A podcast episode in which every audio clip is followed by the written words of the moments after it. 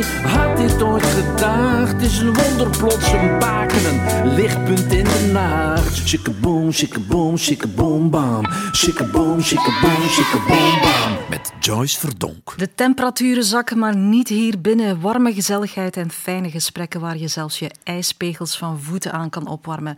Dat krijg je ook weer het komende uur met radiostreaming. Welkom en welkom ook Wouter de Pre. Dank u wel, Joyce. Fijn om hier te zijn. Uh, ah, dat is, uh, dat is goed. Uh, er zit anderhalve meter tussen ons, tenzij we nu elkaar uitroepen tot officieel knuffelcontact. Ik heb er al eentje, ah, anders heel graag, Joyce. Ja, ik had heel graag een paar vriendinnen jaloers gemaakt. Wie is jouw knuffelcontact? Mijn knuffelcontact is... Um, uh, ja, ik heb mijn gezinsbubbel, hè, dus ja. die pak ik uh, heel Maar plus veel één, hè? Plus één, hè? Ja, ah, wel, ik heb eigenlijk niet echt een, een knuffelcontact. Ah, wel? Ik ga voilà. wel met mensen sporten. We kunnen, we kunnen ah, ja. samen gaan joggen. Ja, prima. Ik heb wel mijn schoenen niet bij, maar dat kan, uh, kan misschien uh, Doe vanmiddag. Joggen. Ik, ga er, ik zal er snel om gaan. Ik woon niet maar vijf kilometer van. Deal.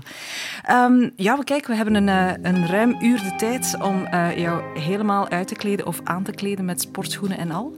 We hebben ons vast recept met opnieuw een bedje van Belgische muziek, zoals deze. Coily.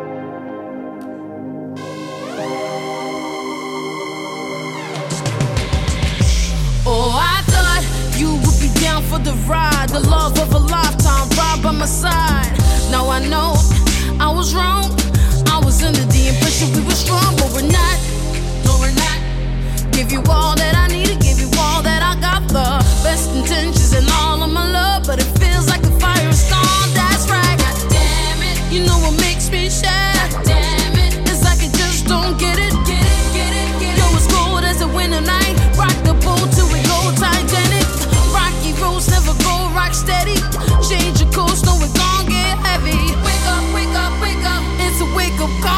The goddamn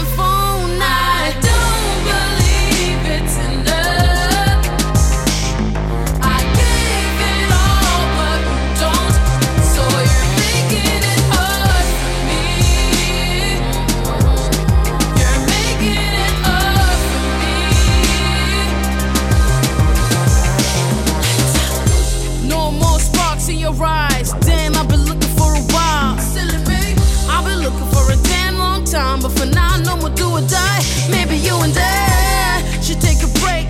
I'm afraid that the pain, I know I can take it all away. Used to be just us against the world, but the upside, the down still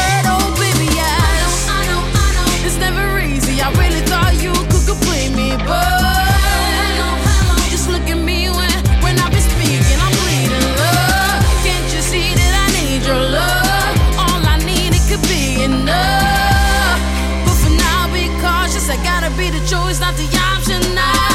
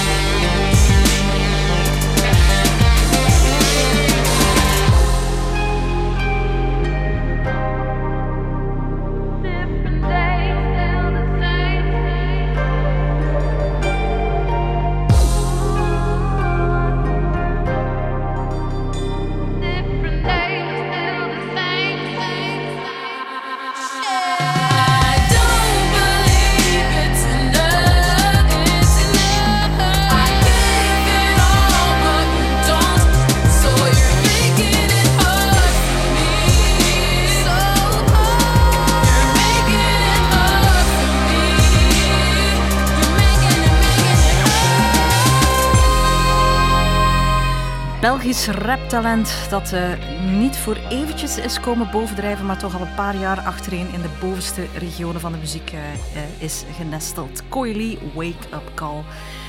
Wouter, ik ben eens gaan kijken op jouw website. Er stonden Mhm. deze periode, november, december, nog een uh, pak try-outs geprogrammeerd. Klopt. Streep erdoor. Ja, streep erdoor. Al nieuwe ja, data ja. durven uh, Al nieuwe data, ja. dus backup data en backup data voor de backup data. dus uh, ja, we zien wel wat er, wat er wanneer mogelijk zal zijn. Ik herinner me het verhaal van een van de try-outs van september zal het, of oktober zal het geweest zijn, vlak voor de, de lockdown.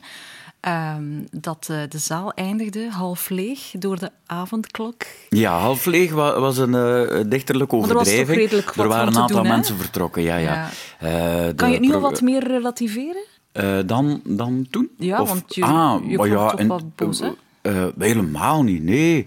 Eh, eh, de mensen die het organiseerden zijn mensen die eh, Café de Trucendoos hebben overgenomen verleden jaar. En die ja, zitten vanaf, vanaf maart in de, eh, in de financiële miserie eigenlijk. Hè.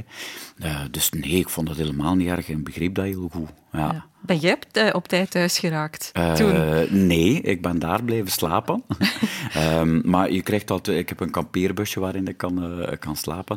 Ehm, maar ehm, ja, ik denk wel dat je toestemming had. Allee, voor andere try-outs ben ik soms ook wel na middernacht aangekomen. Als Een het voor je beroep, voor het werk. Ja, als het voor je beroep mocht, dan... Ligt dat dan- op het dashboard eh, bij Het jou? ligt op het dashboard, ja. ja, ja, ja. Passagebewijs. Waarover gaat er uw voorstelling? Kan je daar iets over zeggen? Ik weet het nog niet waar ze over gaat. Ehm, dat, dat is heel vaak zo. Dus ik dacht dat ze over taal zou gaan. Waarna dat ik allemaal stukken ben beginnen maken die heel weinig met taal te maken hebben. Ehm, en nu ben ik er taal als thema terug aan het inschrijven. Uh, maar ik moet nog kijken of, of dat effectief ook kan. Dus uh, taal als onderwerp, dus eigenlijk om, om er meta over te spreken, leent zich heel goed als je erover schrijft. Um, maar ik weet niet of dat doorleefd genoeg is voor, voor op het podium. Dus dat kan heel uh, hersenachtig zijn om over te praten. Uh, en heel theoretisch. En ik weet niet of dat op het podium goed zal, goed zal werken. Maar het is wel een onderwerp dat mij ontzettend hard interesseert. Welke, op welke manier we spreken, waarom we spreken. Uh, hoe dat zich dat in de hersenen vormt, hoe dat we lezen. Dus dat zijn onderwerpen waar ik veel mee bezig ben. Maar kan maar je daar ook leuke dat... anekdotes bij bedenken? Dat is de vraag. Dus tot nu toe spreek ik over onderwerpen die ik... Ja, het zijn, echt onnozel... Het zit heel veel onnozel materiaal in de voorstelling tot nu toe. Over dat ik nog altijd niet weet wat het woord expressweg betekent, bijvoorbeeld. En een gesprek met mijn schoonbroer die mij het woord expressweg probeert uit te leggen, dat duurt vijf minuten. En we lopen daar volledig in vast. Dus ja, gaat dat dan over taal? Misschien de onmogelijkheid van taal? Of dat je met een woord niet iets heel precies kunt aanduiden? De, uh, in Nederland weten ze wel uh, precies wat een expressweg is en bij ons niet. Dat kan over cultuurverschillen gaan. Maar ja, wat is het geestige daaraan? Dat we elkaar heel slecht begrijpen. Dus het ja. misverstand, wat ja. dat klassiek is in comedy. Ja. Je hebt je kinderen uh, thuisonderwijs moeten geven al tijdens de eerste lockdown ook. Misschien zitten daar ook wel verhalen in, hè? Die, ja. die sukkelen toch ook met taal? Uh, ja, ze, uh, ik vertel er een verhaaltje over. um, uh, maar dat gaat dan over, over onderwijs in het algemeen. Ik, mijn kinderen zaten op een methodeschool, mijn oudste zit nog op, op een methodeschool. Uh, en ik vind daar heel veel dingen goed in. De persoonlijkheidsontwikkeling op een methodeschool vind ik heel goed. Uh, maar ik heb soms uh, bedenkingen bij hoe theorie wordt aangebracht, dat dat te chaotisch gebeurt. En zeker voor mijn jongste, die heel logisch in elkaar zit, die miste echt houvast. en ik vertel in de voorstelling ook een stukje over dat ze het onderscheid tussen letterlijk en figuurlijk aangeleerd krijgen. En uh, ja, een, een, een, oefening waar ik zelf kop nog staart aan kreeg. Ik denk dat veel ouders dat zullen ervaren hebben. Uh, maar dus een, een jongen die... Uh, het spreekwoord was, deze jongen is goed gemutst. En ja. dan stond er een foto boven en dan moest je zeggen of het letterlijk of figuurlijk klopte. En bij die jongen, die, had, die, die was breed aan het lachen. Dus dan denk je, oké, okay, hij is letterlijk goed gemutst. Uh, hij is figuurlijk goed gemutst, uh, maar hij had ook een muts op. En dat was een goede muts. En op die muts stond er ook nog een smiley. Dus de muts zelf was ook nog eens goed gemutst. En wij waren niet autistisch voor de oefening, maar na de oefening wel.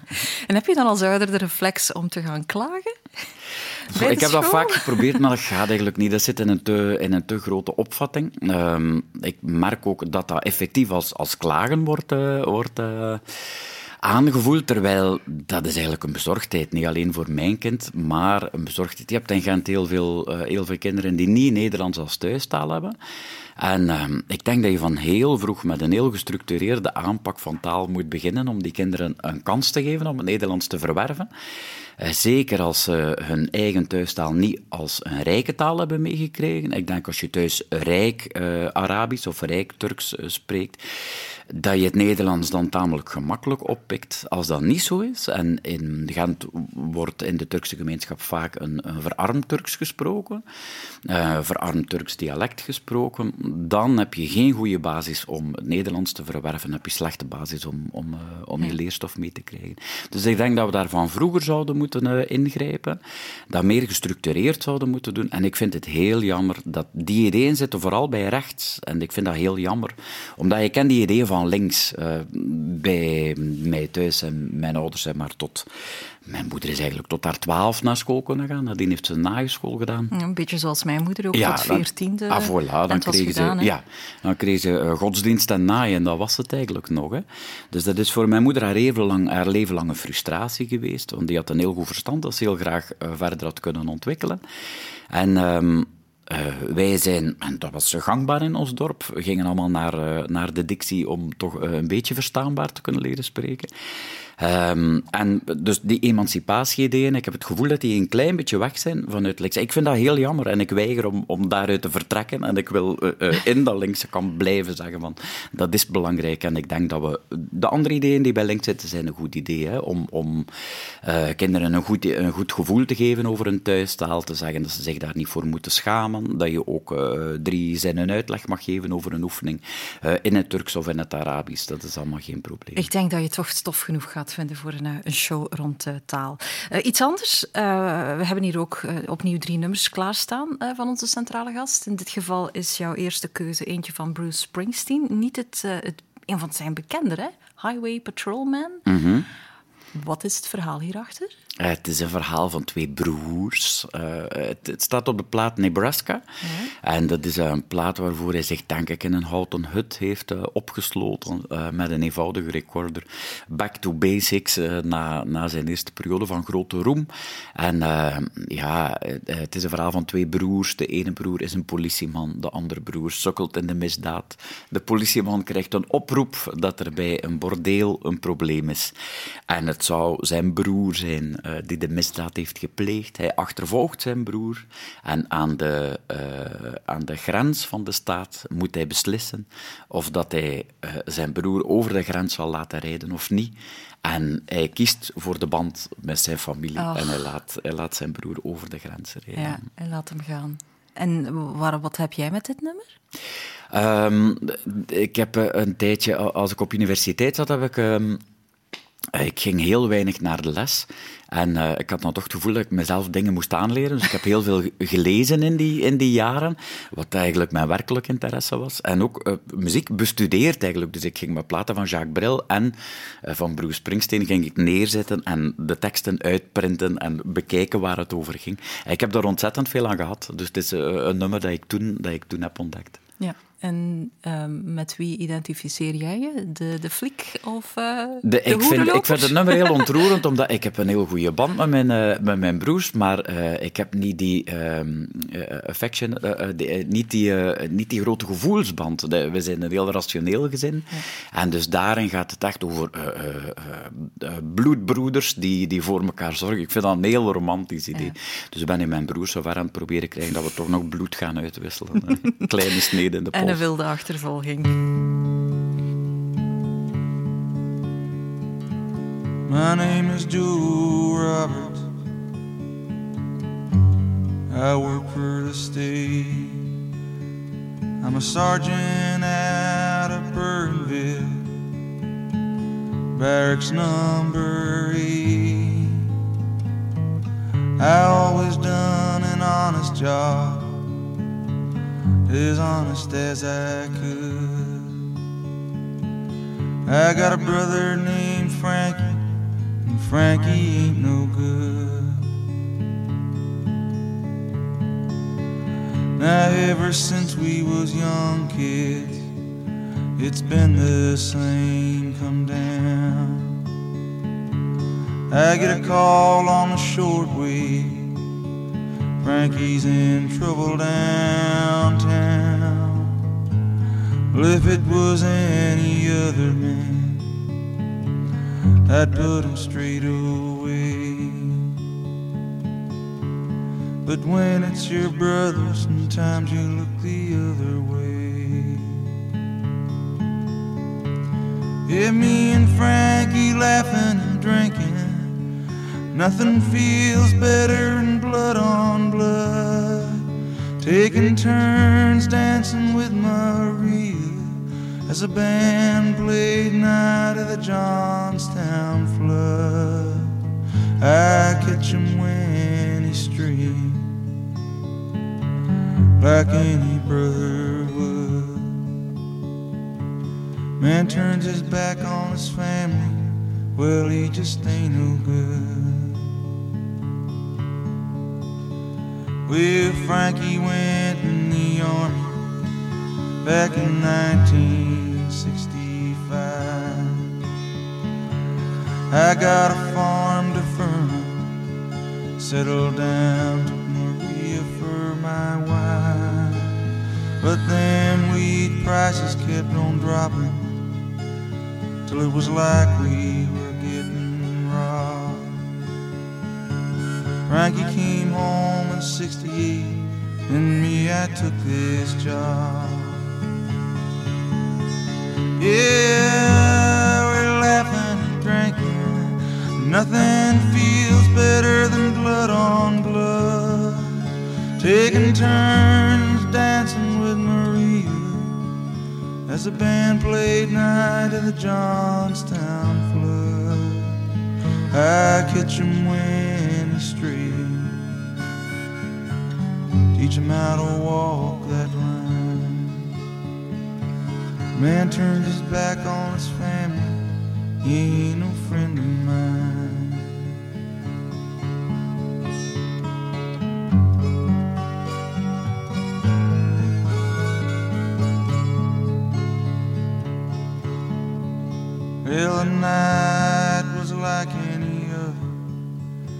I got a call about quarter to nine. There was trouble in a roadhouse out on the Michigan line. There was a kid lying on the floor looking bad, bleeding hard from his head There was a girl crying at a table, and it was Frankie said. Well, I went out and I jumped in my car, and I hit the lights. Well, I must have done a hundred and ten through Michigan County that night. It was out at the crossroads down round Willow Bank. Seen a Buick high behind the wheel was Frank. Well, I chased him through them county roads till a sign said Canadian border five miles from here. I pulled over to the side of the highway and watched his tail lights disappear. Me and Frankie laughing and drinking. Nothing feels better than blood on blood. Taking turns dancing with Marie as the band plays Night of the Johnstown Flood. I catch him when he's streaming like any brother would. Man turns his back on his family, well, he just ain't no good. En hij laat zijn broer dus gaan. Bruce Springsteen Highway Patrolman. Het zal wel de Mexicaanse grens geweest zijn, zeker? Waar hij over eh, ging? Het kan, ik weet het niet is meer. zoiets, hè? Een film. Ja, de Mexican ehm, border. Ik, ik denk misschien als de plaat Nebraska heet, de staatsgrens met, met Nebraska Ah, ja, misschien. ja, ja. ja, ja. meer naar het noorden dan. Ja. Ik heb het vertaald in het West-Vlaams en daar is de grens met Frankrijk. Dus is het... Ik had eh, beter moeten luisteren, maar we zaten nog wat na te babbelen. Dat, dat, dat, is, het is hier zo gezellig. Maar goed, we gaan het even eh, eh, over serieuzere eh, dingen hebben. Want het is zondag zes jaar geleden al dat Luc de Vos overleed. Luc geliefd en geprezen in zijn Wippelgem, maar eigenlijk in heel Vlaanderen op handen gedragen, vooral door zijn kleine fijne liedjes met Gorky. Om herinneringen op te halen aan Voske is onze reporter Iris de wandeling Vossenogen gaan afstappen. En ze deed dat in het gezelschap van mensen die Luc nog hebben gekend. De Miawegel. Geen logischere plaats om een wandeling ter nagedachtenis van Luc de Vos te starten. En ik ga niet alleen op pad. Thomas van Elslander, voormalige gitarist van Gorky, en Michel Goesens, muzikant, gitarist en goede vriend van Luc, gaan met me mee. Dag Michel, hoe heb jij Luc leren kennen? Ik heb eh, Luc leren kennen ergens eh, begin, half, halverwege jaren 80. En eh, ik was met muziek bezig in Slijdingen, Luc was in Wippelgem bezig. En op een goede dag eh, kom ik op een festivaletje waar we alle twee staan. Luc komt op het podium, speelt twee nummers. Eh, Het publiek is niet zo echt, echt ja, aandachtig. En ik zeg, ik kan allemaal mijn kleuter kussen, ben niet weg. Vertrok. Dus dat was mijn eerste kennismaking. En later... een paar jaar nadien zit ik op school Viso Maria Fotografie. En in mijn klas zit Geert Bonne. En Geert eh, was, eh, of werd de eerste drummer dan van Gorky. Dus zo heb ik Luc leren kennen. En hoe is het bij jou eh, begonnen, Thomas? Ik had hem al een paar keer gezien natuurlijk met zijn groep Gorky. Eh, ik vond het wel vrij tof muziek eigenlijk. En als je in Gent een beetje uitgaat en naar optredens gaat, dan kom je Vos eigenlijk wel tegen.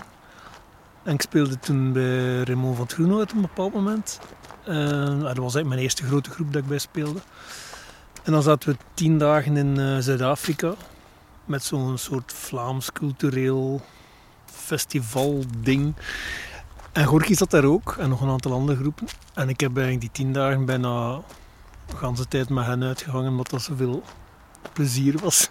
En ja, we vierden daar tien dagen feest eigenlijk. En zo hadden we elkaar dan eh, leren kennen. En naderhand hadden ze dan een keer een extra gitarist nodig voor een projectje. En dan, ja, van het een komt het ander. Op de duur eh, vroegen ze mij om in de groep te komen spelen.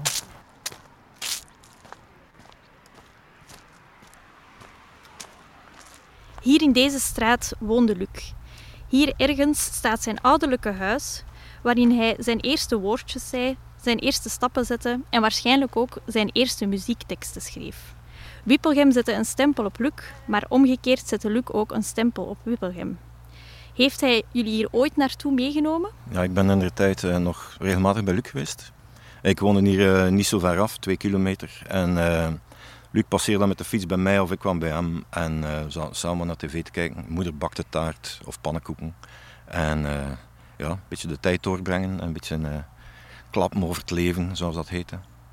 Hij was toen al, eh, hoe zal ik zeggen, eh, vrij snel zeker dat, eh, dat hij alleen maar muziek kon. En dat was ook zijn ding. Ik was met fotografie bezig en met muziek en ik had mijn job. Luc zat dood te gaan als eh, fotocopietrekker, eh, hier of daar een bureaujob. Dus dat was, ja, voor hem was muziek echt wel, ja, het was dat of doodgaan denk ik. Klinkt een beetje raar als ik dat nu zo zeg. Hè? Maar ehm, voor hem was echt wel, hij, moest voluit voor de muziek gaan. Ik maak mijn nummers meestal s'avonds, terwijl mijn moeder tele- televisie kijkt. Dan trek ik naar de badkamer. Daar kan ik naar hartelust schreeuwen. Vroeger vond mijn moeder mijn muziek gewoon zot. Maar nu ze mij een paar keer op radio heeft gehoord, is ze aan het bijdraaien. Michel, is dat iets dat je herkent van zijn moeder, dat toch wel in het begin een beetje vreemd opkeek naar wat eh, Luc eigenlijk als muziek maakte? Ik denk dat eh, sowieso de, Luc zijn, zijn moeder, die, die kwam uit een andere tijd. Hè. De, de, de, dat zijn mensen die opgegroeid zijn in zwart-wit. Uh, Luc had nog veel kleur. En ik denk dat, dat de toekomst die, die de moeder voor Luc in gedachten had, niet was. En dat is ook gebleken wat, uh, wat dat Luc wou. Hè.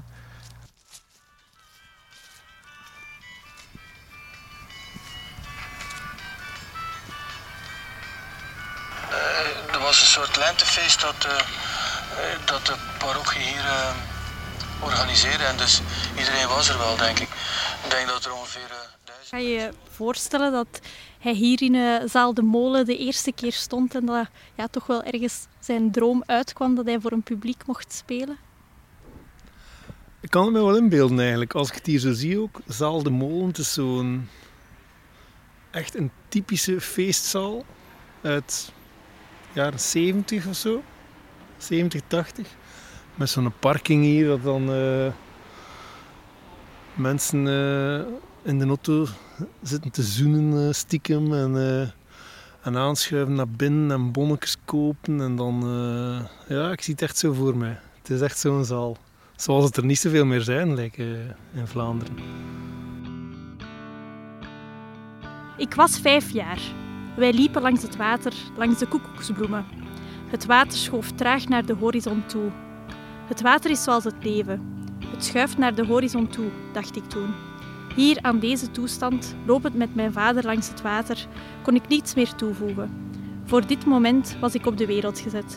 Ik trachtte het moment in mijn hersenen te prenten, opdat het mij voor eeuwig zou bijstaan op mijn levenspad. Als je als gastje van vijf jaar hè, dit ziet, dit zo ervaart, dan, uh, ja, dan staat er wel het een en het ander te wachten, denk ik, in het leven. Met die opmerkzaamheid denk ik dan ook inderdaad, like dat Michel zegt, als je aan je vijf jaar al zo goede details ziet en onthoudt en kunt navertellen.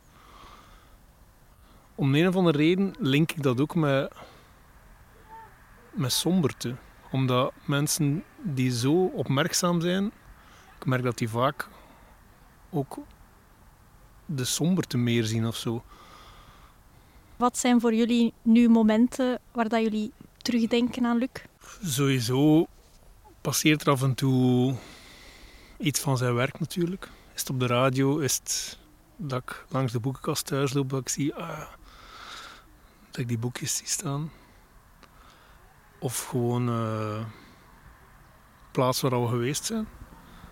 Ja, ik, uh, Luc is overal aanwezig, wat mij betreft. Um, die, uh, ja, die zit onder, ja, onder mijn vel. Dus is, is aanwezig. Hè. Hij heeft zo geen cd'tje nooit gemaakt, zo ik ben aanwezig. dus is aanwezig gewoon, ja. En dat gaat nooit veranderen.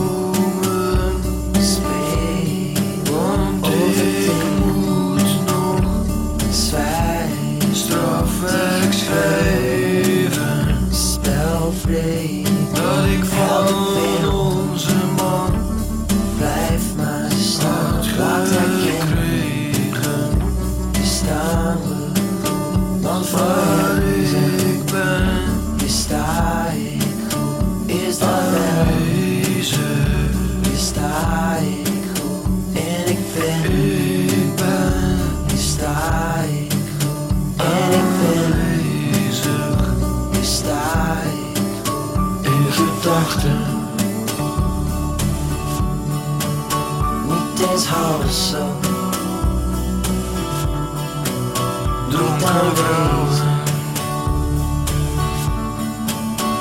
Als mijn ruimte is. Laat me komen. Zondag. Ik in stenen.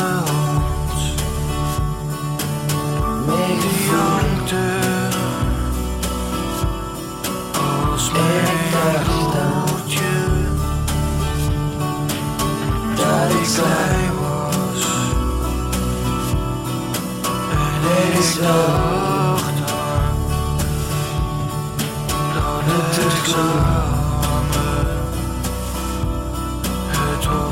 Zelf kan je ook die wandeling Vossenogen in Webbelgem gaan maken. Vijf kilometer lang en alle informatie, een plannetje, grondplannetje en al vind je op evergem.be onder fietsen en wandelen. Of je legt zondag een plaat op van Gorky. Dat kan natuurlijk ook. Geen mooiere manier om hem zondag te herdenken. Zes jaar dood, de tijd gaat snel. Shake-a-boom, bam. Ik was om eh, deze uitzending voor te bereiden aan het graven in jouw cv, Wouter. Eh, Humo's eh, Comedy Cup gewonnen in 2003. En wat ik vergeten was, dat je lang geleden ook nog de slimste mens bent geworden in 2005. Ja. 15 jaar geleden, dat is toch wel schrikken, hè? Hoe, hoe snel we oud worden? ja, dat is zeker schrikken, ja. Houd jou dat bezig, dat je zo stilaan in de helft van je leven bent? Eh, dat wel. Eh, het houdt mij niet bezig dat, dat dat lang geleden is, of dat die dingen lang geleden zijn. Daar denk ik heel weinig aan. Eh, maar ik ben wel veel bezig met ehm, hoe mijn opvattingen of mijn manier van in het leven staan veranderen door ouder te worden. Ja, Ja. dat absoluut wel, ja. Je hebt heel veel eh, van jezelf blootgegeven, eh, figuurlijk dan. Niet met de grote muts op, maar figu- eh, ja, figuurlijk. Ehm, zijn er nu shows waarvan je denkt van, "Goh, ik had dat toch beter niet verteld? Ehm, ik heb weinig, ik heb weinig spijt. Nadien, wat, wat, is er een, wat is er een voordeel van? Ik, ben, ik vind een groot voordeel van op. Ik leer heel veel dingen over het leven via eh, optreden of via schrijven. En in optreden ben ik, eh, ben ik verplicht om fouten te maken. Eh, dus ik kan in het werkelijke leven nogal bang zijn. En in optreden ehm, werkt het heel slecht om bang te zijn. Dus je moet het eigenlijk voortdurend... Ben aan het sukkelen om het uit te leggen. Hè. Je Er mag was op een, je ehm, bek gaan en, en mensen vinden dat niet erg. ja, Zoiets? er, was een, en, en er, er zit een werkelijkheidscontrole in. Het was, het was eh, eh, een Amerikaanse kerel, eh, ik volg via podcast, Weinstein, die, eh, die uitlegde ehm, dat het belangrijk is om in je leven dingen te doen waar, eh, eh, waar de werkelijkheid je, je ook toek op je bakjes kan geven. Dus een gevechtsport doen bijvoorbeeld. Je kunt je geen ideeën over je hoofd halen, in je hoofd halen over een gevechtsport, omdat als je het niet goed kunt, dan krijg je het op je bakjes. Ehm, bij bij stand-up is dat hetzelfde. Op een podium gaan staan is hetzelfde. Je kunt daar weinig constructie rond maken, omdat je altijd de toets van, van een publiek hebt. Dan kun je heel dure ideeën hebben over optreden, maar als het werkelijk niet werkt, dan ga je dat voelen en dan doet dat echt pijn. Ehm, dus daarin is optreden voor mij heel goed, omdat ik verplicht ben om verder te gaan dan ik in het werkelijk leven zou doen. Dus als ik eh, kwalijk neem dat ik daarin te ver ga, dan neem ik ook die kwaliteit weg, snap je? Ehm, en dan neem ik ook het vermogen weg om te ver te gaan op het podium. Of om meer te laten zien dan dat ik eigenlijk eh, vanuit mijn comfortzone Ja, zou, zou willen laten zien. Ja, dus het is de bluts en de buil. Ja, ja, ja. Heb je er altijd wel zin in? Of, of zijn er ook avonden eh, dat je als elke doorsneewerkmens denkt van... Pff, allee, we gaan op en dat maar rap passeert. Nee, ik heb dat nooit. Nee? En ik ben daar... Ont ik, ik kan wel hebben dat ik tegen mijn zin in de auto stap om ergens, om ergens heen te rijden, om te gaan optreden. Maar ik heb dat nooit, als ik het podium opstap, dat ik geen zin heb om op te treden. En ik heb dat met de andere jobs die ik heb gedaan, heb ik dat zonder uitzondering gehad.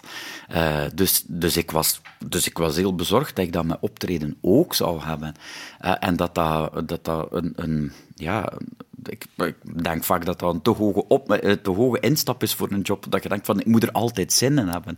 En ik weet, met schrijven, ik, ik heb met schrijven niet altijd zin om te schrijven. En dan weet ik van, ik moet eraan beginnen en dan komt die zin vanzelf. Ehm, maar met optreden heb ik dan nooit, dat ik, dat ik geen zin heb om op te treden. Dus dat is een, een cadeau uit de hemel. Je hebt inderdaad al een paar boeken geschreven, maar dan is er dat eh, direct contact niet met het publiek. Hè? Nee, ja, dus dat, Dat is, vind ik een toch? groot nadeel. Ja. Ja. dat vind ik een groot nadeel. Eh, maar dat, dat, is, dat zit ook weer in de aard van het schrijven. Dus je, je moet iets niet kwalijk nemen dat een bepaalde kwaliteit niet heeft, eh, als het andere kwaliteiten wel heeft. Wat is het voordeel van schrijven? Is dat je, ehm, is dat je heel uitgebalanceerd kunt schrijven. Dus ik heb een tijd columns geschreven en ik merkte daarin dat ik eigenlijk... eh, mijn familie heeft een wetenschappelijke aard om naar de dingen te... Dus te proberen eh, de, de werkelijke aard van de dingen bloot te leggen, zoiets. Ehm, op het podium zeiden daar iets mee, maar maar een stuk. Op het podium moeten er dingen gebeuren en je moet dingen meemaken. Dus dat is eerder Dionysisch, eh, eh, je moet droevig worden of je bent verontwaardigd of, of kwaad. En ehm, dat, is, dat doet voor mij echt deugd om die kant te kunnen vrijlaten op een podium.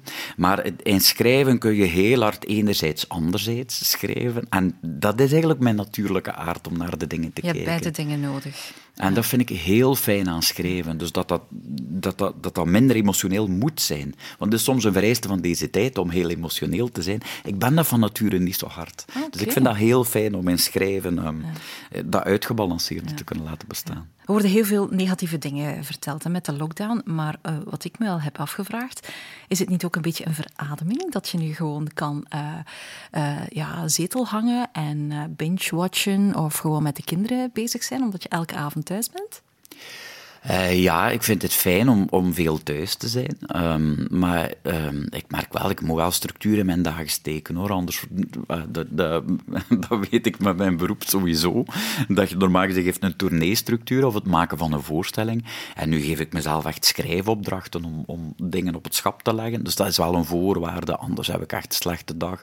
Ben ik ook, ben ik ook niet aangenaam. Dus ik moet wel, moet wel, eh, moet wel mijn goede humeur verdienen nu. Eh, en, en dan is het heel aangenaam met de kinderen en is het heel fijn om ook eh, ja, met, met, vrienden, met, met vrienden een wandeling te kunnen gaan doen of, eh, of, of ja, meer in een gemeenschappelijk schema te zitten met vrienden. Dat vind ik heel fijn. Je gaat Ja. ook vaak lo- lopen nu. Ja, klopt. Ja, ja. dat Ik zag foto's sinds- passeren van een of andere loopwedstrijd. van de Ja, herfst, klopt. Ja, ja, ja, van ja. Ja, ja, dat mocht nog doorgaan. Ja, ja, ja. En goed gegaan? Poeh, dat, was, eh, dat was een zware, een zware wedstrijd. Ik heb hard, hard afgezien. Het was koud, ik moest er echt inkomen. Het was, ik was net niet genoeg getraind. Ehm, en, maar het kwam goed in het tweede stuk van, van de wedstrijd. Dus dat is iets dat samenhangt met deze, eh, met deze levensperiode. Is doorkrijgen dat je bij lange inspanningen er, eh, er kunt eh, doorkomen. Dus dat het heel lastig kan zijn in het begin, maar als je dan doorzet, dat het plots, dat het plots in de tweede helft beter kan gaan. Dus ook daar weer dat je je lichamelijke gewaarwording niet helemaal moet vertrouwen. Dat er, dat er daar voorbij misschien iets anders ligt. Ja. Ik geloof dat in alles wat jij doet, dat er iets moet geanalyseerd worden. Hè? Kan Ah, niet ja, gewoon die loopschoenen aantrekken Ja. en gaan? Hmm, heel weinig. Ja, nee, ik zit vaak te analyseren. En dan luister ik tijdens het lopen vaak nog naar podcasts waarin dingen worden geanalyseerd. En dan analyseer ik nog hoe die podcasts worden gemaakt terzelfde tijd. Omdat ik dat zelf ook wil maken. Ja, ik hoop dat jouw hoofd s'nachts stilstaat. Hmm, ja, dat kan ik niet zeggen. Maar ik geloof niet dat dromen iets van betekenis hebben. Misschien maar best ook. Hè?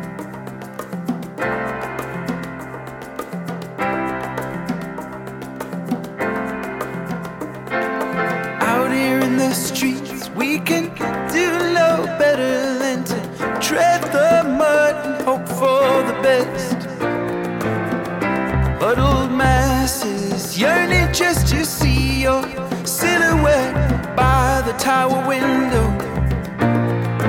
When will I see my old friend? The fear of missing out again. Cause only you can bring us two together. All alone by candlelight. Well, I but I don't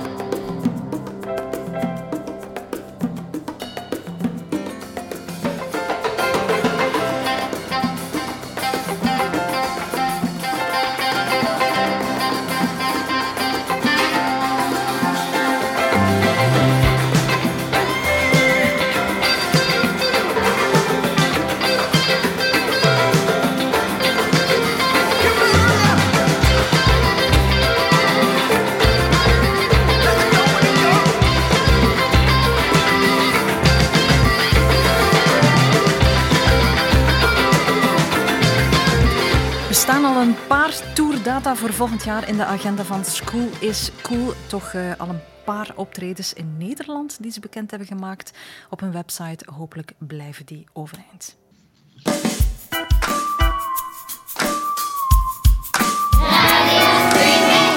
Voor het lokaal talent van de week zoeken we het bij iemand die jeugd en ouderdom combineert. Hij doet iets met de meetjes uit het Meetjesland. Dus bellen met eh, Simon Lambrecht. Dag Simon. Goedemorgen, hallo. Je werkt al eh, eh, twee jaar aan een meetjesproject. Wat is het? Ehm, het Meetjesproject is eigenlijk gestart na het overlijden van mijn oma in 2018. Ehm, ik zat toen in New York voor mijn werk en ben dan verhuisd omdat ze heel erg ziek werd. ehm, ben ik terug naar België verhuisd. En toen ze een aantal maanden daarna overleed, was ik dus terug in de streek. En ik had me voorgenomen ook even hier te blijven. Uh, en ik ben ehm, de brieven die we schreven, want we schreven brieven naar elkaar als ik niet in België was. En ik ben eerst in Noorwegen geweest om te gaan studeren, dan ben ik in China gaan studeren. Uiteindelijk naar New York verhuisd om te werken. Dus ik ben een aantal jaar overal in de wereld geweest, behalve in België. Maar wel brieven blijven schrijven, dus naar elkaar. En ja, dus je had geen internet, had uh, geen smartphone of gelijk wat. Dus eigenlijk de enige uh, communicatie die we hadden met elkaar waren die brieven. En ik stuurde dan ook foto's van mijn omgeving op naar haar.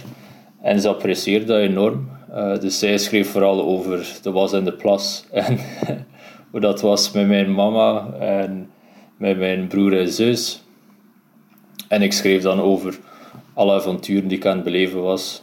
Um, en door die brieven terug te lezen en terug te nemen, ontdekte ik een zekere schoonheid die ik daarvoor nog niet had gezien. Um, en eigenlijk die schoonheid wou ik ergens proberen herontdekken zonder haar dan. Allee, want ik kon natuurlijk niet meer met haar praten omdat ze overleden was. Dus dan ben ik gestart met mensen van haar generatie heel specifiek op te zoeken en hun levensverhaal te proberen uh, in beeld brengen. Met foto's, want uh, je bent ook fotograaf in wording.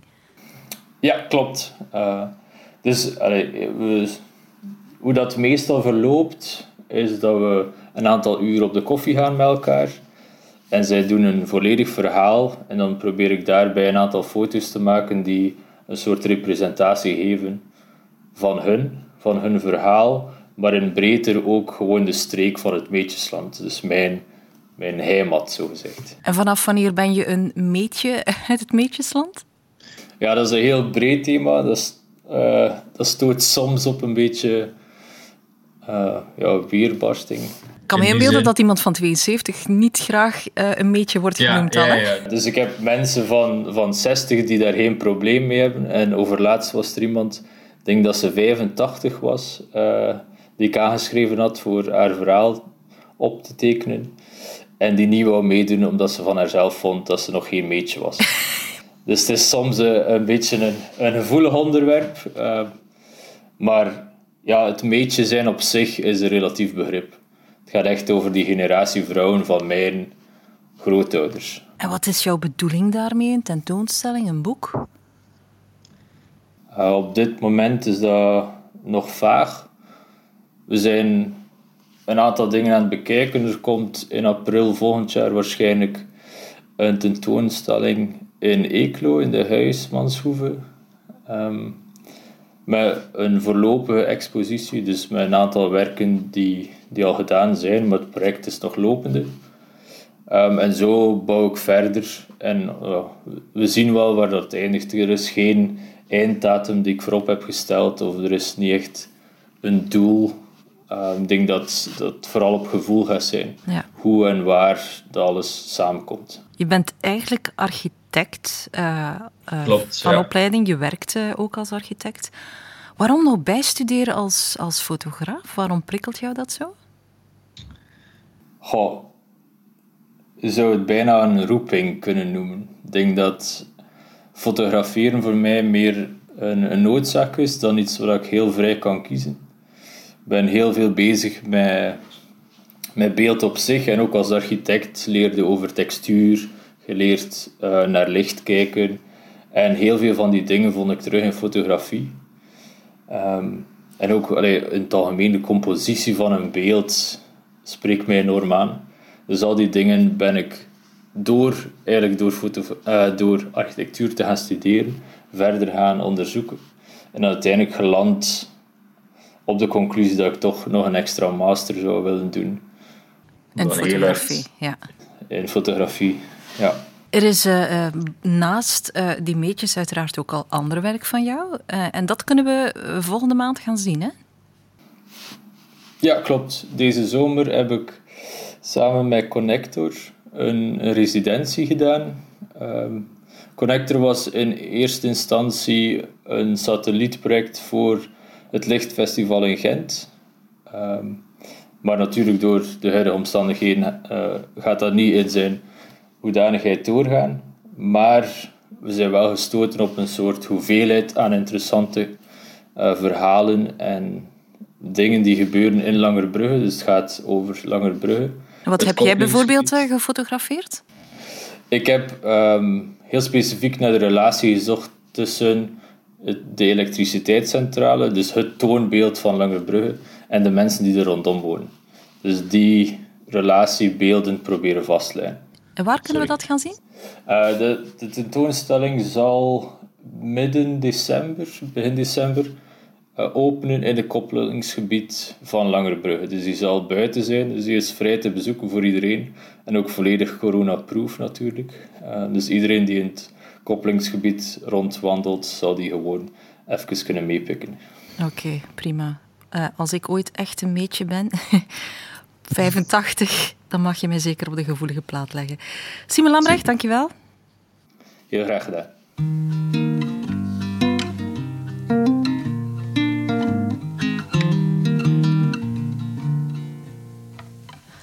Was a man not long ago. He was nice but kinda slow. How as long his name was Joe. I was young, he was sweet, and my heart would skip a beat every time that we would meet.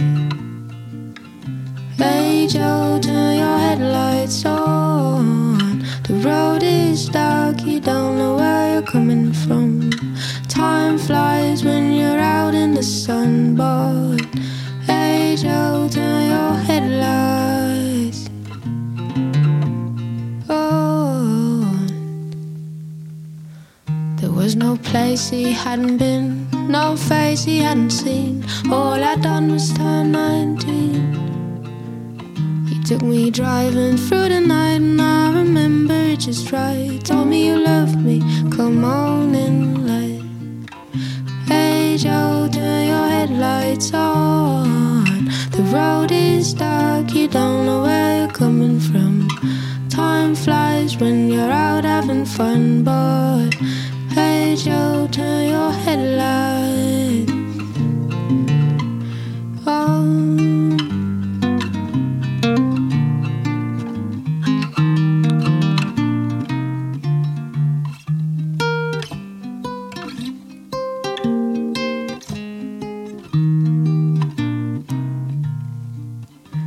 every story has its end. You love me as a friend, and as a lover, you took my hand. For me, I have loved you all my life, day and night from nine to five. But age old, turn your headlights on. The road is dark, you don't know where you're coming from.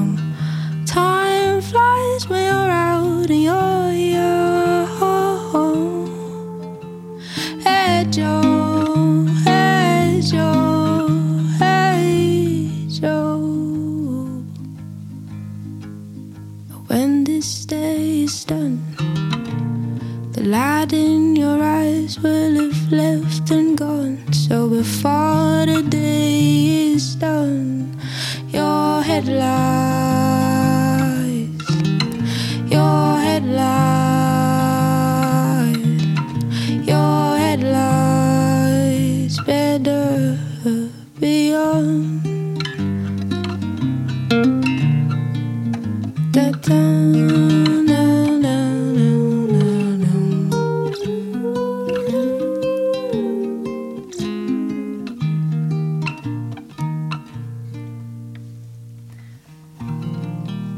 zullen er niet veel kunnen zeggen dat ze 2020 een prachtjaar vonden. Misschien Mesker Mees wel. De Gentse singer-songwriter won Humo's Rock Rally en kreeg al heel wat airplay op de radio. Hopelijk kan ze dat succes volgend jaar verzilveren met een heleboel live optredens. Wouter, je hebt nog een tijdje in Zuid-Afrika gewoond. Klopt, ja. Zie je jezelf er ooit nog terugkeren? Ehm, ja, eh, ik was... ehm, ik vond dat een fantastisch jaar. We hebben fantastische mensen leren kennen. Ehm, het politiek systeem in Zuid-Afrika loopt moeilijk op dit moment. Uh, en loopt moeilijker dan het. Uh, toen zat het, dus 2011, 2012, toen we er waren. En dat zat toen op, op een soort kruispunt van geloofwaardigheid voor het ANC. dus daar ben ik niet vrolijk en niet optimistisch over. Um, dus uh, dat, dat, volg ik af en toe als ik het, als ik het kan verdragen. Um, dus daar hoop ik dat Zuid-Afrika een betere toekomst tegemoet gaat dan, uh, dan dat het er toen naar uitzag en dat het er op dit moment naar uitziet. Dus daar maak ik mij zorgen over. En hangt daar jouw beslissing van af om terug te keren? Voor mij speelt dat een rol. Voor mijn vrouw zou dat minder een rol spelen, omdat zij meer op uh, de mensen focust.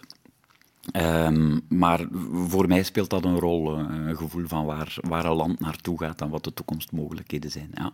ja. Maar wat mis je hier dat je daar wel had? Um, ja, het zijn bijna onvergelijkbare landen. Hè. Alleen al van, van landschap leven wij heel dicht op elkaar. Um, maar dat kan ook niet anders. Dat kunnen we, dat kunnen we, dat kunnen we België of Vlaanderen ook niet, ook niet kwalijk nemen. Um, wat mis ik hier? Dat, uh, ik heb een stukje van wat ik daar uh, heel fijn vond, hier proberen binnenbrengen. Dus meer in natuur zijn. Uh, op een, ik weet niet of emotie, op een hartelijkere manier met mensen omgaan. Uh, minder ironisch leren spreken. Dat was iets wat ze daar heel slecht herkenden. Uh, en wat iets van mijn generatie is, denk ik. Uh, dus ik ben daar een beetje van proberen afstappen. Dus ik heb eigenlijk hetgeen dat ik daar waardeerde, hier proberen, uh, hier proberen binnenbrengen in mijn leven. Misschien waren dat mijn problemen en niet noodzakelijk uh, de nee. problemen van België of van Vlaanderen. Nee. Jouw band met de natuur, ja, die hebben we heel uitgebreid in de media kunnen meebeleven toen je je kwaad maakte op het schouwvliegen mm -hmm. voor het verdwijnen van een Limburgs bos. Mm -hmm. ja, Natuur is heel belangrijk geworden dit jaar. Heel veel mensen hebben de natuur herontdekt. Hè? Ja, Bossen klopt. Ja. en uh, wandelingen. Ja, ja, klopt. Ja. Je, ziet dat ook, je ziet dat belang wel al een aantal jaar toenemen. Je zag dat in dat, in dat dossier van Esther ook. Uh, dus eigenlijk werd, je noemt nu schouwvliegen, dat heb ik ook vaak gedaan. En zij was toen de bevoegde minister, maar eigenlijk was de beslissing om daar het bos te kappen was uh, zeker gesteund en vooral doorgeduwd door de NVA op dat moment, die vaak in een heel dubbele positie zitten, omdat zij zich wel veel meer profileren als een milieupartij dan CD&V en het vaak ook, het vaak ook zijn. Um, dus ze zitten daar in een heel, in een heel gespleten positie. Um, ik ben blij dat dat belang toeneemt. Uh, het kan ook moeilijk anders, omdat er minder en minder van overblijft. Uh, en ja, ik hoop dat we op basis daarvan, en ik hoop ook dat we niet te laat zijn, uh, dat we duurzame beslissingen kunnen nemen om de natuur die er is te bewaren en op te waarderen. Ja, er zijn nog wel meer bedreigde lapjes grond en bos in Vlaanderen. Mm -hmm, Hoeveel van die klopt. groene bewegingen zijn aan jouw schouder komen tikken om ook voor hen boegbeeld te spelen? veel, maar die bewegingen doen dat op zich, uh, doen dat op zich fantastisch en veel beter dan ik toen heb gedaan en op een veel duurzamere manier. Want terzelfde tijd kopen zij stukken grond aan, beheren ze die, uh, worden ze... Ze zitten ook in een gespleten positie, omdat ze um, heel vaak het werk van de overheid doen en daarvoor gesubsidieerd worden door de overheid. Dus ze kunnen zich maar een aantal keer permitteren om heel harde kritiek te geven, of in sommige dossiers om heel harde kritiek te geven, omdat ze ook een stukje overheid zijn. Um, dus dat is het moeilijke aan die positie, maar terzelfde tijd is dat het vruchtbare, omdat, het dan, omdat je dan als de overheid beslissingen neemt voor natuur, dat die ook door brede bewegingen gedragen zijn, uh, zoals Natuurpunt. En die hebben ook ontzettend veel vrijwilligers. En dat is ook een grote kracht. En dat is bijvoorbeeld, als je het vergelijkt met Zuid-Afrika, een heel grote kracht hier. Uh, de ontzettend grote maatschappelijke bewegingen die je historisch gezien hier hebt gehad en nog steeds hebt. Uh, dus Natuurpunt is een die in de laatste decennia naar voren is gekomen. Maar daarin, daarin heeft politiek echt een punt. Uh, uh, politiek moet gesteund worden door dat soort bewegingen. Op dat moment zijn politieke beslissingen ook gedragen. Ja. Je hebt uh, ja, een, een heel goede reden al gehad hè, om te ijveren voor gezonde lucht en gezondheid in het algemeen, meer natuur. Je hebt er ook een voorstelling over gemaakt, over de periode dat je vrouw kanker had. Mm -hmm. Hoe is het nu met haar? het is heel goed met haar. Um, zij uh, trekt uh, veel meer de natuur in dan ik zelf doe. Is uh, veel meer met haar lichaam bezig, doet, doet dagelijks yoga. Ehm, en is daar, ja, ik denk dat ik mag zeggen, gelouterd uitgekomen eigenlijk, ja. ja. Die voorstelling heeft destijds heel veel aandacht gekregen. Hè? Heeft mm -hmm. het onderwerp ook heel bespreekbaar gemaakt, ook bij kinderen, om mm -hmm. hoe je die boodschap overbrengt bij, bij kinderen. Ja, dat hoe, hoop ik. Ja. Hoe hebben zij heel die periode meegemaakt? Uh, ook heel intens, maar um, ja, er is veel veranderd in opvoeding van kinderen. Hè. We praten veel makkelijker met onze kinderen dan uh, mijn ouders deden. En die deden daar voor hun generatie al heel hard hun best in, vond ik. Uh, ze kunnen veel meer aan, denk ik, dan, dan wij aankonden. Doordat er met veel meer gemak over emoties wordt, wordt gesproken. Um, ik heb niet het gevoel dat zij daar heel grote gevolgen van hebben overgehouden. Um, ik heb het gevoel dat ze net een heel mooie band met, met mijn vrouw hebben, hebben overgehouden daaraan. En dat ze ook weten dat ze moeilijke periodes kunnen doorspartelen, dat we dat als gezin kunnen. Ze hebben gezien dat, dat onze familie ons heel hard steunde toen. Een uitgebreide vriendenkring, dus dat zijn eigenlijk ja, positieve dingen die, die daar zijn uitgekomen. En we praten daar heel weinig over, maar ik denk dat dat al bij al ja, vooral positieve gevolgen zal gehad hebben, denk ik. Ja, een volwassen voorstelling, boeken over het thema. Waarom heb je niks voor de jeugd zelf dan uitgebracht? Ik weet niet of ik zo goed... Um, ik denk dat ik goed... Uh, ik denk dat ik goed fictie zou kunnen maken voor, uh, voor kinderen, maar ik weet niet of ik zo goed in... Um, of ik zo goed rechtstreeks voor kinderen zou kunnen schrijven of zou, of zou kunnen vertellen over, over de werkelijkheid. Ik vind het voor hen veel fijner om in, om in verbeelding te duiken uh, dan, dan om... Met mijn kinderen doe ik dat nogthans vaak, hoor. Maar ik weet niet zo goed hoe ik dat met andere kinderen... Ik kan mij een, een kinderpubliek uh, uh, niet zo goed voorstellen. Nee. Ik vertel in voorstellingen over hoe ik zelf met de werkelijkheid worstel. Maar dat laat ik heel vaak niet aan mijn kinderen zien. omdat ik omdat ik hen toch ook graag nog, nog ergens in de illusie wil, wil laten dat volwassenen het allemaal wel weten. Ze hoeven niet te denken dat we het altijd allemaal weten, maar ik wil ook niet al mijn twijfel of al mijn drama daarover aan mijn kinderen meedelen. Mm.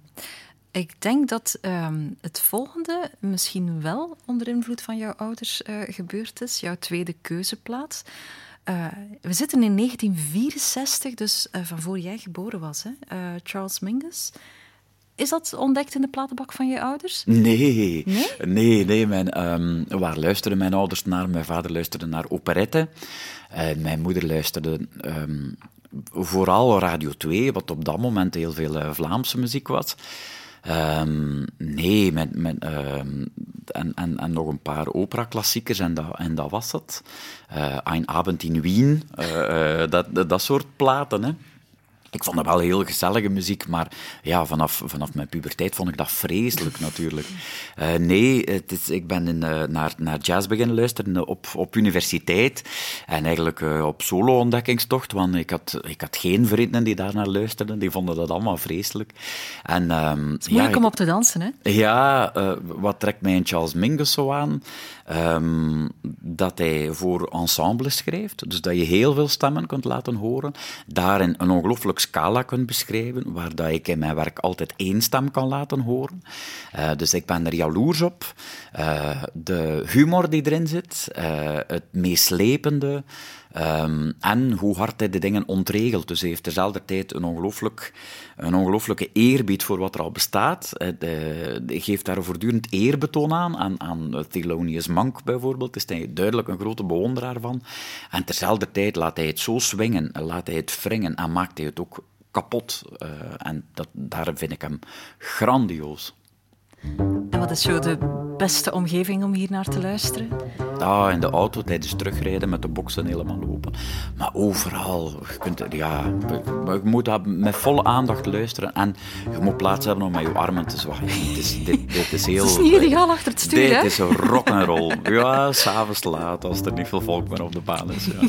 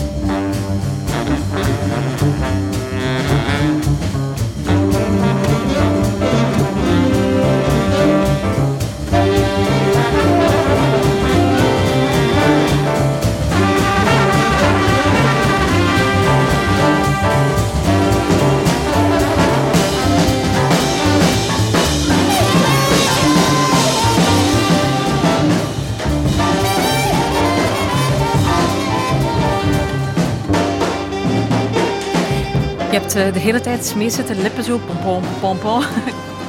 Kan je zelf iets van muziekinstrument goed spelen? Ja, de heel slecht gitaar speel ik. Ja. maar je doet het wel. Ik doe het en ik doe het graag, maar eh, ja, ik ben- ik ben, ik ben heel weinig methodisch en ik denk dat je dat toch, toch nodig hebt om een muziekinstrument goed te leren spelen. Oké, we zullen het je niet vragen om een, eh, een nummertje te spelen dan vandaag.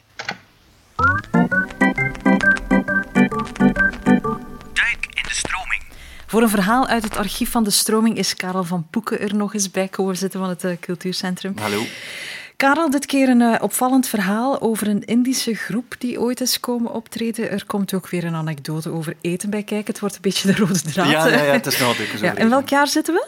We zitten in 2006. En toen kwam de Dole Foundation op eh, bezoek. En de Dole Foundation, ja, we hebben nogal een focus op wereldmuziek, al wel Wouter, wereldmuziek.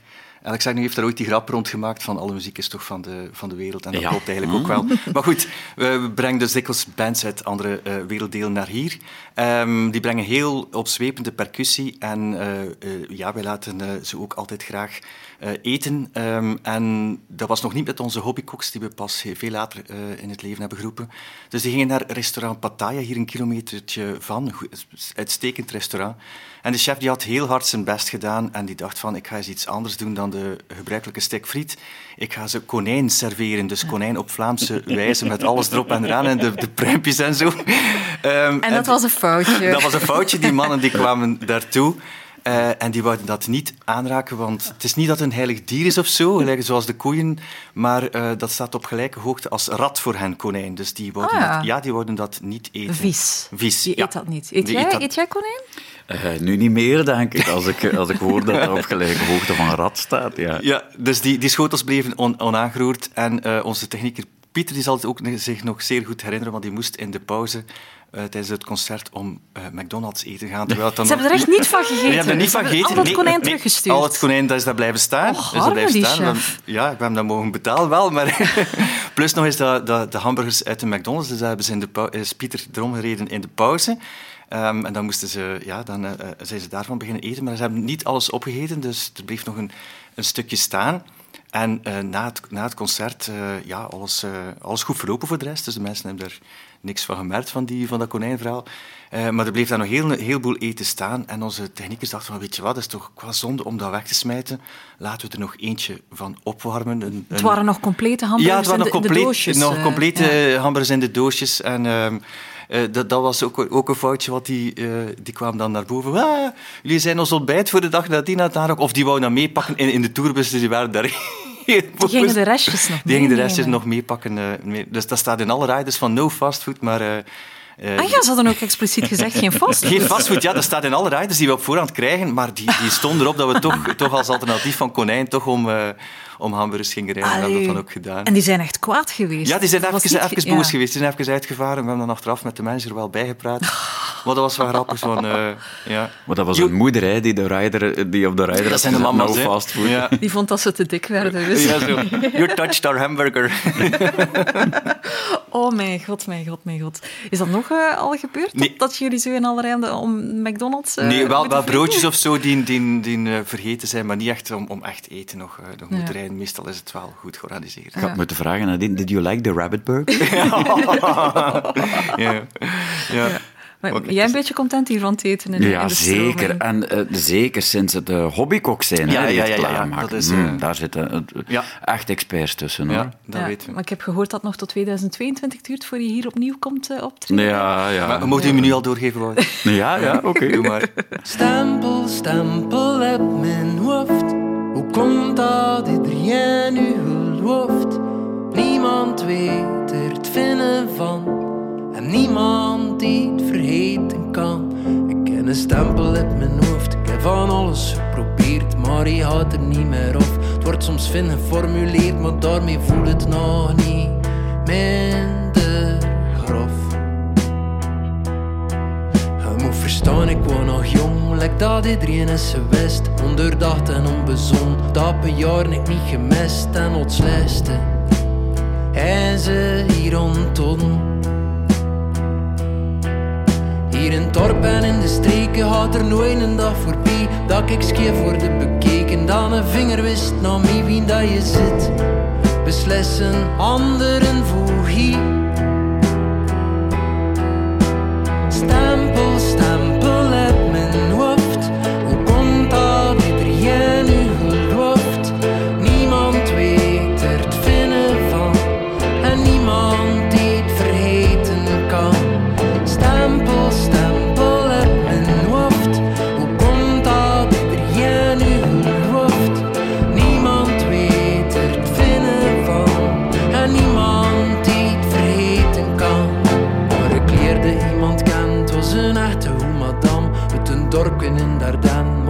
Kost een beetje Vlaams en die stempel kost ze zien niet zien.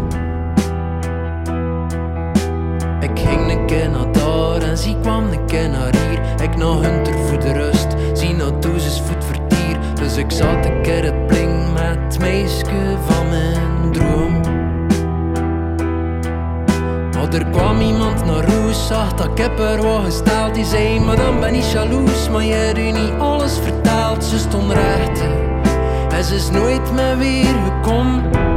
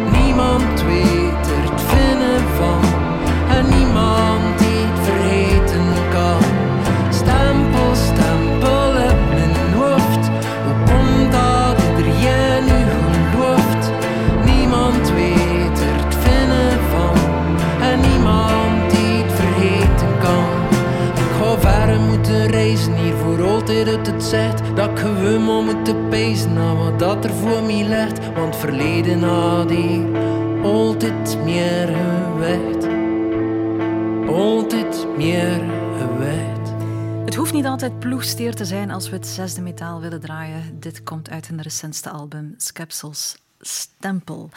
Je hebt een hele tijd geleden eens eh, samengewerkt hè, met Wannes het Klopt, zesde ja. metaal. We hebben Ja. twee voorstellingen samengemaakt. Koning, ja. keizer, kannibaal. Klopt, ja, Ja. dat is al heel lang geleden. Ja, wat deed Wannes daarin? Haal nog eens herinneringen op. Ehm, goh, ehm, dat was eh, met Helder ook nog. Dat was een voorstelling over koers. Eh, en we speelden liedjes en vertelden verhalen daar. En ja, een, zo, een, zotte, een zotte voorstelling was dat. Ja, Ja. West-Vlaams is wel aan een eh, revival eh, bezig, hè? De ja, eh, ja. Ja, ja, dat klopt. Ja, ja. Als, als ik er maar aan denk, Eigen Kweek, Beverhem, Brigand, eh, meer muziek en acteurs, het is, het is gedaan, hè? Lachen met het West-Vlaams? Ja, maar eh, ga, het is hetzelfde als met comedy. Als je begint te eisen dat je serieus wordt genomen, dan, dan, dan wordt het heel flauw. Hè. Dus eh, nee, ik vind eh, voor, Wannes een fantastische keuze die hij heeft gemaakt om in het West-Vlaams te zingen. Het is een grote artiest en hij kan zich in het West-Vlaams ongelooflijk uitdrukken. Ja, het is op zich wel een overwinning, hè? Dat, dat het meer en meer geapprecieerd wordt. Ook Brigand bijvoorbeeld is een reizende ster. hè? Eh, Zeker, ja. Ik vind eh, een, een, ja. Waarin is het goed dat er een, eh, de- de- dat we complexloos met taal omgaan. Dus ik denk dat met andere streektalen ook zo is. Dat veel meer, wordt, ehm, dat veel meer als gepermitteerd aanvoelt om het, eh, om het te spreken en om er u verstaanbaar in te maken. En het is veel gemakkelijker om in streektaal eh, emoties uit te drukken. Zie je zelf nog een show in het West-Vlaams te geven? Ik- als ik in West-Vlaanderen speel, speel ik altijd in het West-Vlaams. Ah ja? Ehm, dus daar vertaal ik ter plekke en dat gaat toch, toch nog net iets makkelijker. Eh, ehm, om, omdat het ook mijn eerste taal is. Eh, bij ons thuis werd er alleen West-Vlaams ge- gesproken. Dus dat algemeen Nederlands, dat was eigenlijk in de kleuterklas een beetje, maar eigenlijk was dat een mengvorm van, van algemeen Nederlands en West-Vlaams wat er werd gesproken. Hè. Het gevoel voor humor is in sommige provincies ook wel anders. Hè? Kan je in- Ja. in je thuishaven in West-Vlaanderen andere grappen maken dan Ja, maar dat heeft ook met generatie te maken. Eh, er is een enorm harde humor in, eh, in het West-Vlaams, maar ook met arbeidersklasse, denk ik, heeft dat ook te maken. Ehm, mijn ouders zijn eigenlijk een, een hele leven, hebben die ongelooflijk met zichzelf kunnen spotten.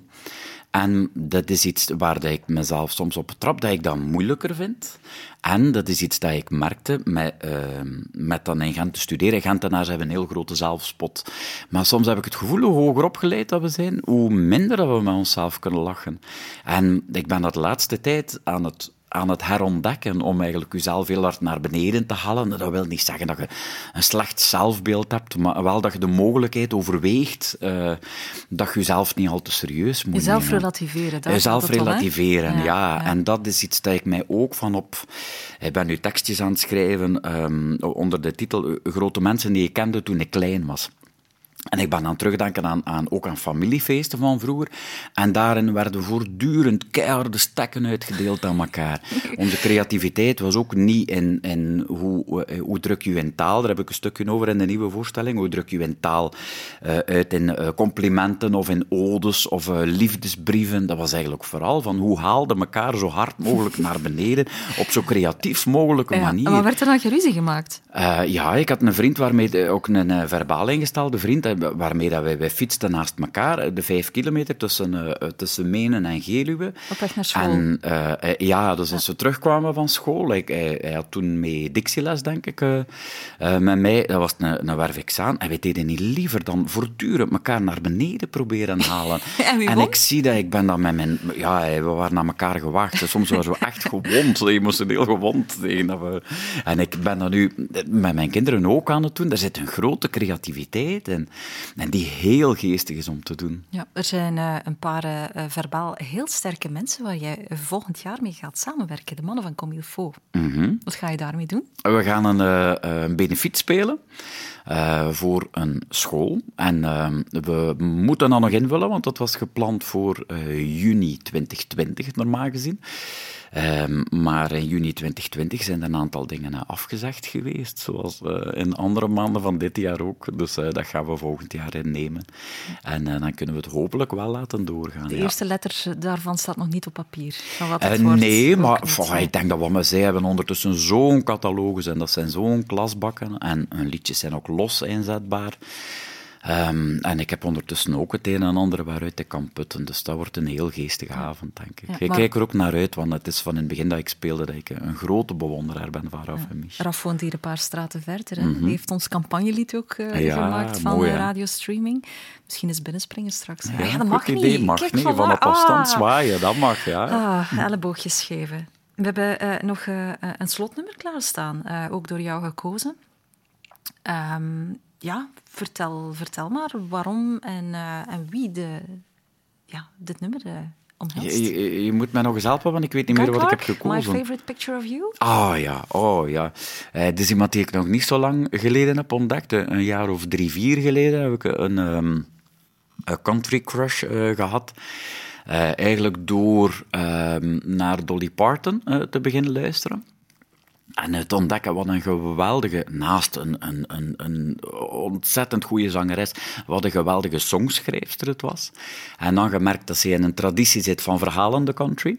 Eh, en het is iets dat mij heel hard aansprak. En zo, beetje bij beetje, daarin leven we in fantastische tijden. Dat je kunt afdwalen. En zo Guy Clark eh, ontdekt, een ongelooflijke songschrijver. En dit nummer is, hij, hij was al bijna, ehm, ik denk dat hij al ziek was als hij, als hij dit nummer schreef. Het is een hele, ehm, het is een, beperkte gitarist, maar een hele zuivere gitarist. Hij heeft een prachtige stem en ehm, hij heeft voor veel mensen nummers gezongen, ehm, eh, nummers geschreven. En dit nummer zingt hij zelf. Hij vertelt over eh, de favoriete foto waar zijn vrouw op staat, een Polaroid-foto waarop ze heel kwaad is. En het is een moment waarop hij en Towns Van Zandt, eh, is een bekendere naam, eh, op, op een namiddag waren ze samen, samen aan het zuipen geslagen. En eh, zijn vrouw, die er nogthans ook niet vies van was, was eh, eh, kon het niet meer aan, was kwaad. En, eh, en stond met haar handen in haar zij. En op dat moment neemt hij er een Polaroid van.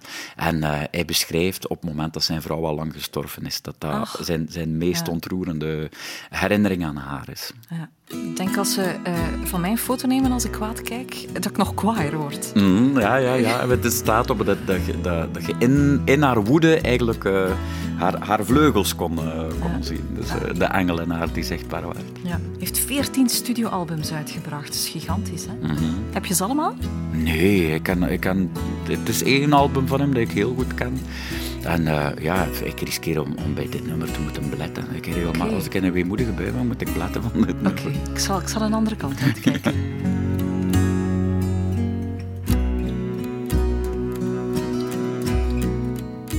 My favorite picture of you is the one where you staring straight into the lens. Just a Polaroid shot someone took on the spot. No beginning, no end. It's just a moment in time. Can't have back. You never left, but your bags were packed just in case. My favorite picture of you is bent and it's faded it's pinned to my wall. Oh, and you were so angry, it's hard to believe we lovers at all. There's a fire in your eyes, you got your heart on your sleeve, curse on your lips, but all I can see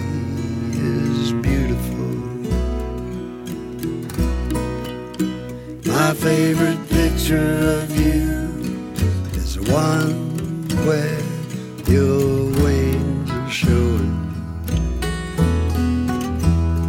When your arms are crossed, your fists are clenched, not gone but ruined. Oh, stand up, angel, won't back down. Nobody's fool, nobody's clown. You're smarter than that.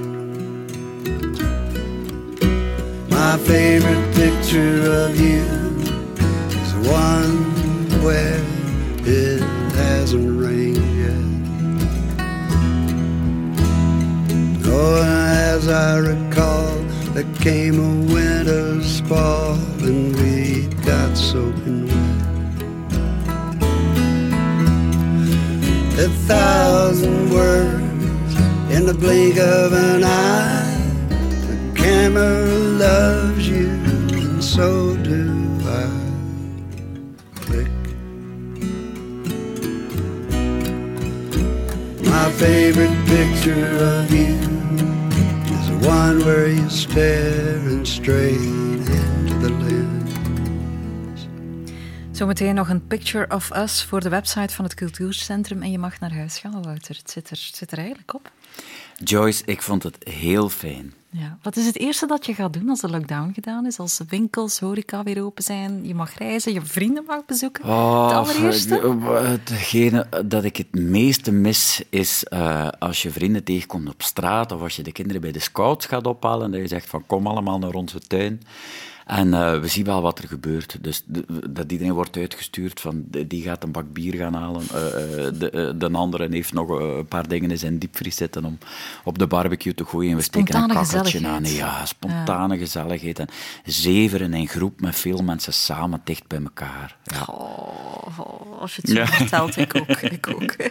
Volgende week is het al de voorlaatste aflevering van de radiostreaming. En dan komt Barbara Sarafian bij gezelschap houden. Graag tot dan en dankjewel, Wouter. Graag gedaan.